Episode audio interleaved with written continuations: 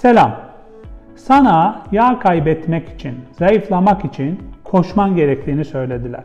Günde 30 dakika, 1 saat nefes nefese kalarak koşman gerekiyor ki yağ kaybedesin. Bu bilgiler yanlış.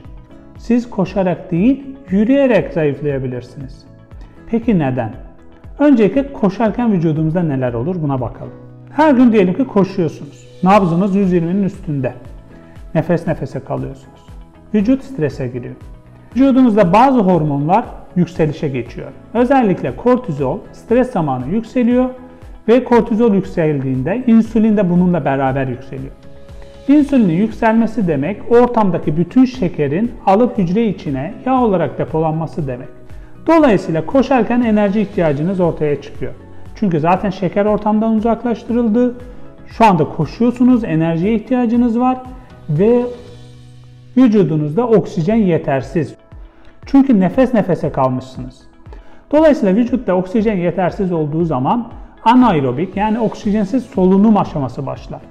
Bu aslında canlılar için acil durumlarda aktif edilen bir süreçtir. Ve siz koştuğunuz için vücut bunu acil bir durum olarak algılar ve oksijensiz solunumu aktif eder. Bu genellikle hücrelerin sitoplazmasında olur. Genellikle hiç yağ kullanılmaz.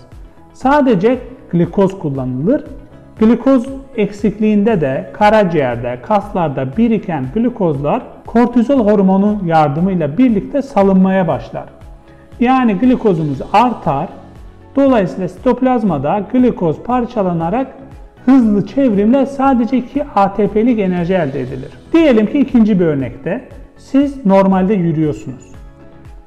Yürüdüğünüz zaman vücut strese girmiyor. Her şey normal. Kortizolünüz normal, insülininiz normal. Herhangi bir yüksek seviyeye çıkmamış. Ama enerjiye ihtiyacınız var. Ve nabzınız da 120'nin üstünde değil. Oksijen seviyeniz de gayet normal. Bu zaman vücut normal bir enerji metabolizması sağlar. Bu mitokondride gerçekleşir, sitoplazmada değil. Mitokondride gerçekleştiğinde de vücut ihtiyacı olan enerjiyi yağ asitlerini kullanarak yapar. Yağ asitlerini parçalar ve ortaya 38 ATP çıkar. Yani oksijensiz olanda 2 ATP üretirken oksijenli olanda 38 ATP üretiriz. Ama ne yakarız? Yağ yakarız. Dolayısıyla yürümek oldukça faydalıdır. Neden? Çünkü bunları uzun süre yapabilirsiniz. Vücudunuz strese girmez. Daha çok yağ yakarsınız, daha çok enerji elde edersiniz ve daha sağlıklı olursunuz. Peki neden koştuktan sonra çok acıkırız?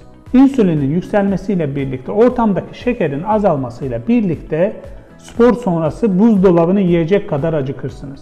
Bu durumda ağır spor sonrası, koşu sonrası bir beslenme alışkanlığı olarak geri döner ve daha çok yemek yemeye başlarsınız ve daha çok kilo almaya başlarsınız. Peki koşmak kimin için faydalıdır?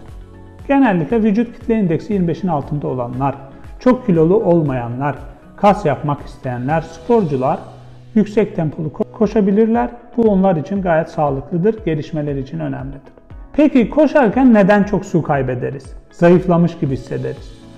Özellikle vücudumuzda karbonhidratlar ve glikojenler çok su depoladıkları için koşarken de bunları yaktığımız için çok su kaybederiz. Ve zannederiz ki biz zayıfladık. Aslında kaybettiğimiz şey karbonhidrat ve glikojen kaynağıdır, yağ değildir. Dolayısıyla bu yanılgıya düşmememiz çok önemlidir.